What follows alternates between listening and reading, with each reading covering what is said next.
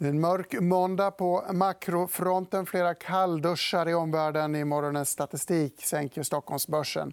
Vid sidan av dessa dystra nyheter ska vi snacka lite gruvrelaterat. Och för den som räds en kraschlandning bjuder vi på lite stötskydd i form av Mips-snack. Och så ett strålande aktietips som står starkt i alla världar. Det här är EFN Börslunch.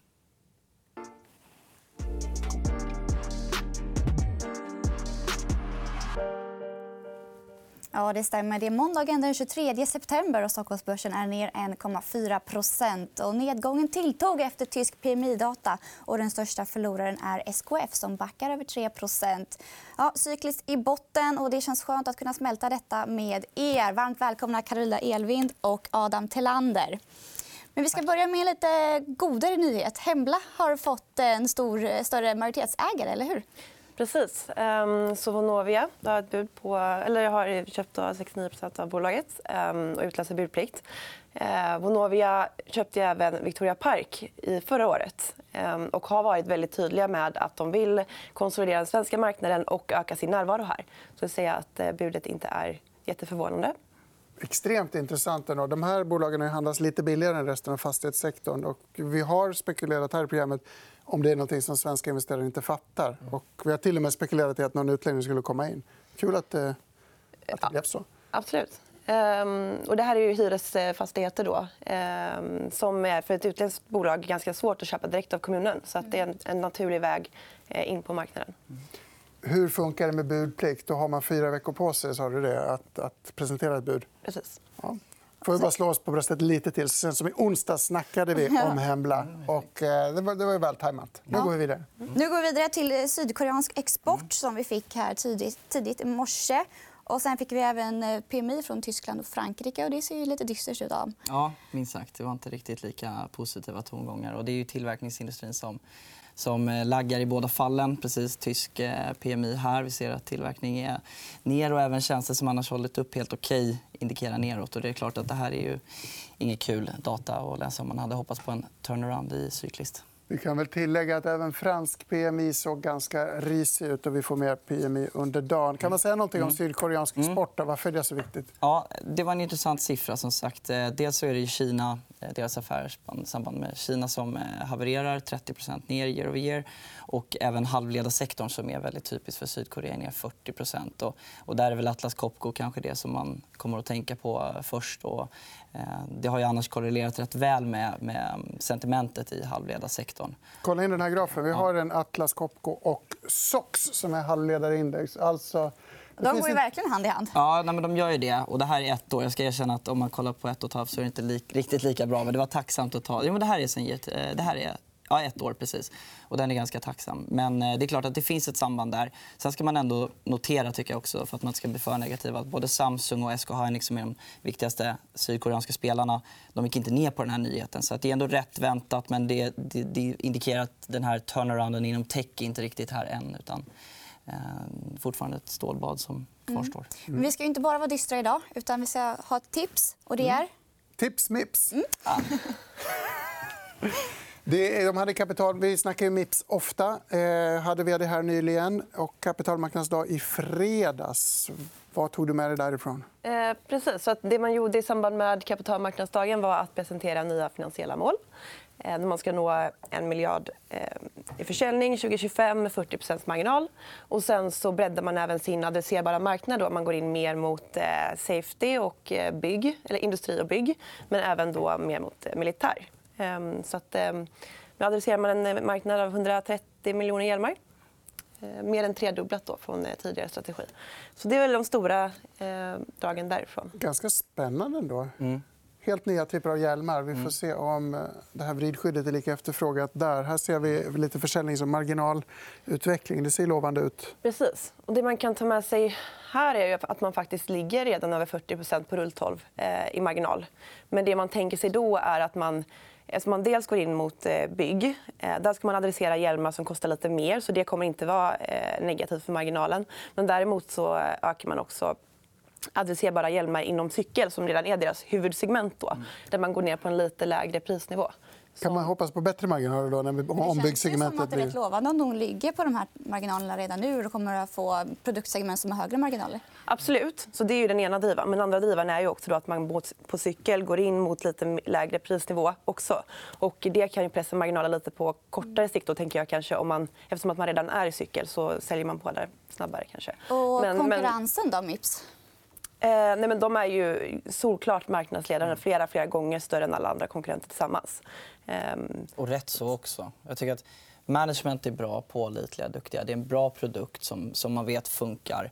Den är liksom, nu kanske det är för att man själv är intresserad av Mips men jag tycker att Mips har ju liksom drivit eh, coolhetsfaktorn med hjälmen eh, överlag. Och jag blir själv sugen på att köpa en trots att jag inte har en cykel. Och här ser vi att fler använder hjälm också. Ja. Nej, men det, och som sagt, det där är intressant graf. Den är väldigt lång, och, men, men, trenden är tydlig. Liksom, att det finns ett ökat... Men det här, går, det här är bra, för det här går tillbaka till mellanstadieåren där det var ocoolt att ha hjälm. exakt. exakt. Så det här kan man relatera till. Eh, men jättebra bolag och bra case. Det, har varit, det är ett sånt bolag som har varit dyrt länge eh, och eh, ganska så höga förväntningar på CMD. Uppenbarligen så eh, bådar de gott. Och svårt att räkna fram till 2025 kan jag tycka. Men caset är fortfarande bra. Är, det- är det därför aktien svackar lite just nu? Det var mycket, jag tror att fokus var ju mycket på marginalmålet. Då. Så här, varför, eh, varför höjer man inte det? eh, Från 40, eh, 40 och eh, Det var ju som vi var inne på förut med att man ska gå in på lägre prissegment på eh, cykelhjälm. Eh, Men det framstår i mina ögon som ganska konservativt. Givet liksom att affärsmodellen är så skalbar som den är. också. Men med tanke på det kanske det inte är så dyr aktien då? Eller vad tycker du?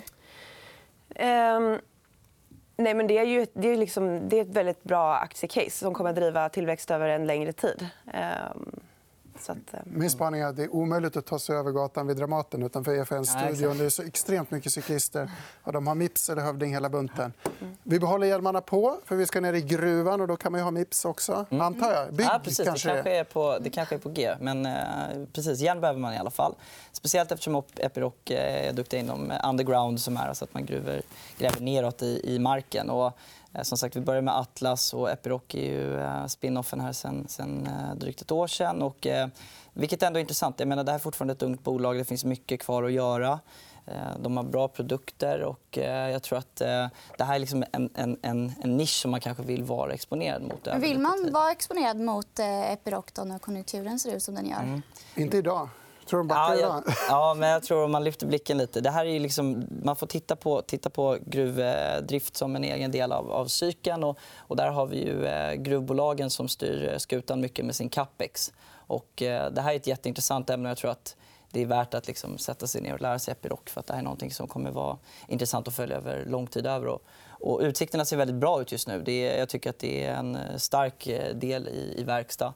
Eh, vet, vi har en intressant graf här också som jag har tagit med på I kopparhalt? Ja, den också. precis. Jag tänkte på valutorna sen, men det kommer väl sen. Men vi börjar med det här. Och det är just det här att eh, halterna sjunker, vilket innebär att... Och det är ganska logiskt. Menar, ska man eh, bryta berg så börjar man ju där det finns eh, mest eh, högst halt. Och som ni ser så kryper den här neråt strukturellt. Och det här kommer ju fortsätta för att vi, vi, vi börjar med att ta de lättaste, lägst hängande frukten, eh, frukterna. Vad innebär det att man måste borra djupare då? Borra djupare, borra mer för att få samma mineralinnehåll. Och Epiroc är ju exponerade mot just där hur mycket berg du spränger och hur mycket du... Ja, då behöver man mer Epiroc-grejer. Ja, exakt, för att har, de har stor eftermarknadsdel och det är mycket spare parts och det är sånt man behöver när man ska gräva i ett högre tempo. Och sen sist men inte minst också capex-planer tycker jag faktiskt är intressanta att titta på också när det kommer till gruvbolagen. Och, Så då kan vi titta på guld och kopparpriserna. Och vi, har, vi börjar med att titta på, på hur det ser ut i USA. Eller Ja, på exakt. dollar. Ja, precis. Det prissätts ju dollar. Och tittar man på priserna så skulle man kunna säga att det är ganska flattish, till och med lite neråt. Eh, Och koppar och guld är de viktigaste metallerna för, för Epiroc och eh, även SMRT, alltså Sandviks eh, gruvområde. Men det som är intressant är att bakom de här siffrorna så tittar vi på... på det är ju några få stora bolag, BHP Billiton, Glencore, Vale. Och, eh, de eh, har ju kostnader i eh, lokala valutor.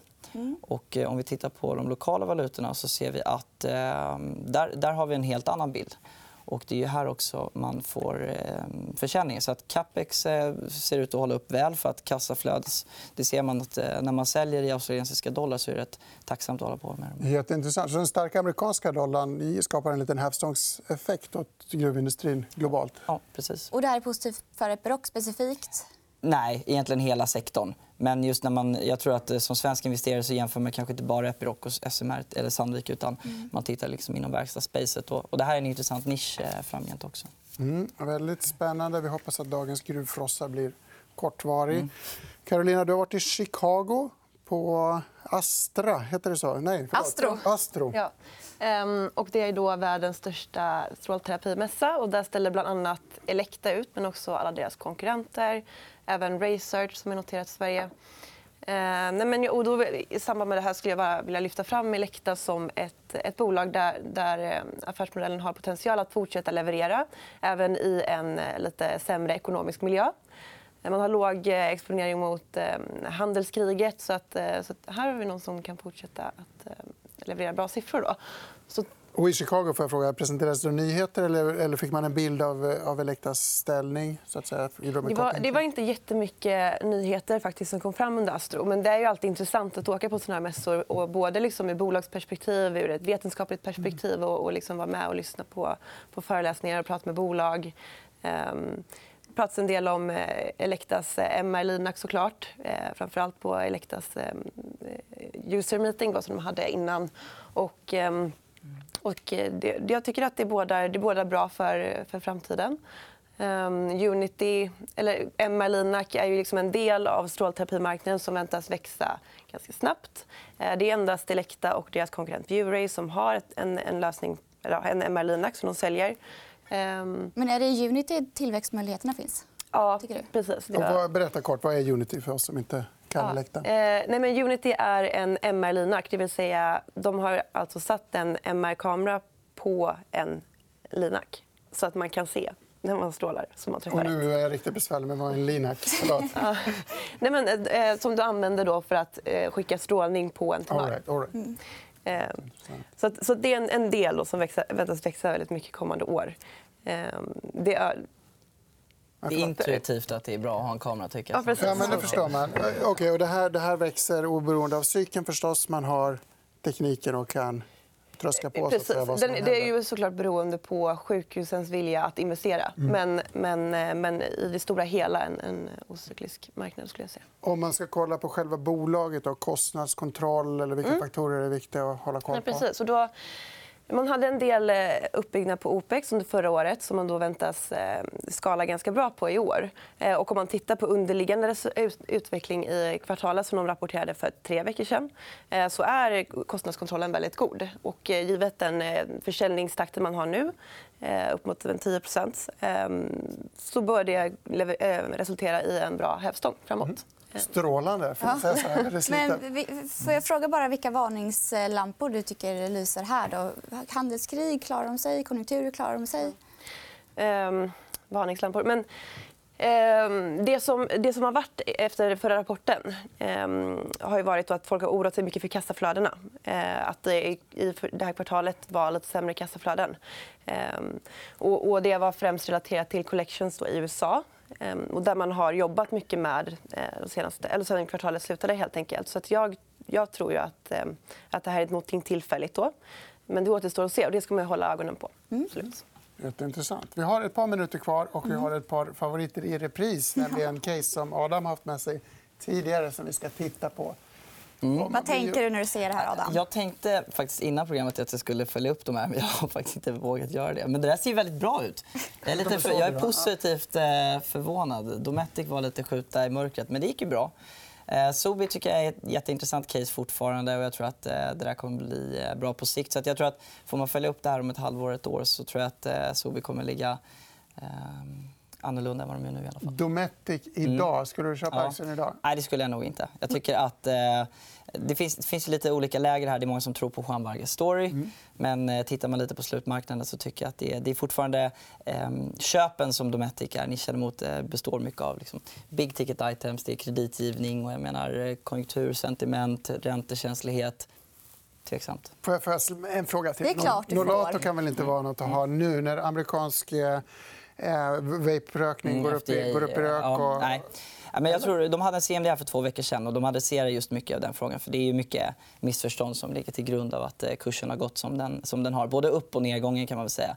Jag tror vi börjar, nu, finns det, nu finns det flera eh, mäklare som har tagit upp analys på det här bolaget och gjort eh, bra analyser. Så jag tror att det finns underlag för marknaden att på något sätt börja räkna på det här nu. Och det är förhoppningsvis att eh, volatiliteten i aktien reduceras något och att vi får lite mer framåtblickande och rimlig. Men du är inte rädd för eh, de här eh, puffarna? Nej, jag skulle själv inte använda det. Men, men det är mer för att jag... Men det är inte så stor del av bolaget som man kan tro? Eller det är inte så farligt med det här amerikanska bandet? Eller varför är du inte orolig? Bara för... För, för att det är ett missförstånd. Det är egentligen en medvind. Jag tycker att Nolato hittar liksom en nisch emellan det som är klassisk rökning, som vi vet är livsfarligt och det som är vaping, som fortfarande är ett nytt område där många lyckosökare har tagit sig in, om man får säga så. Mm.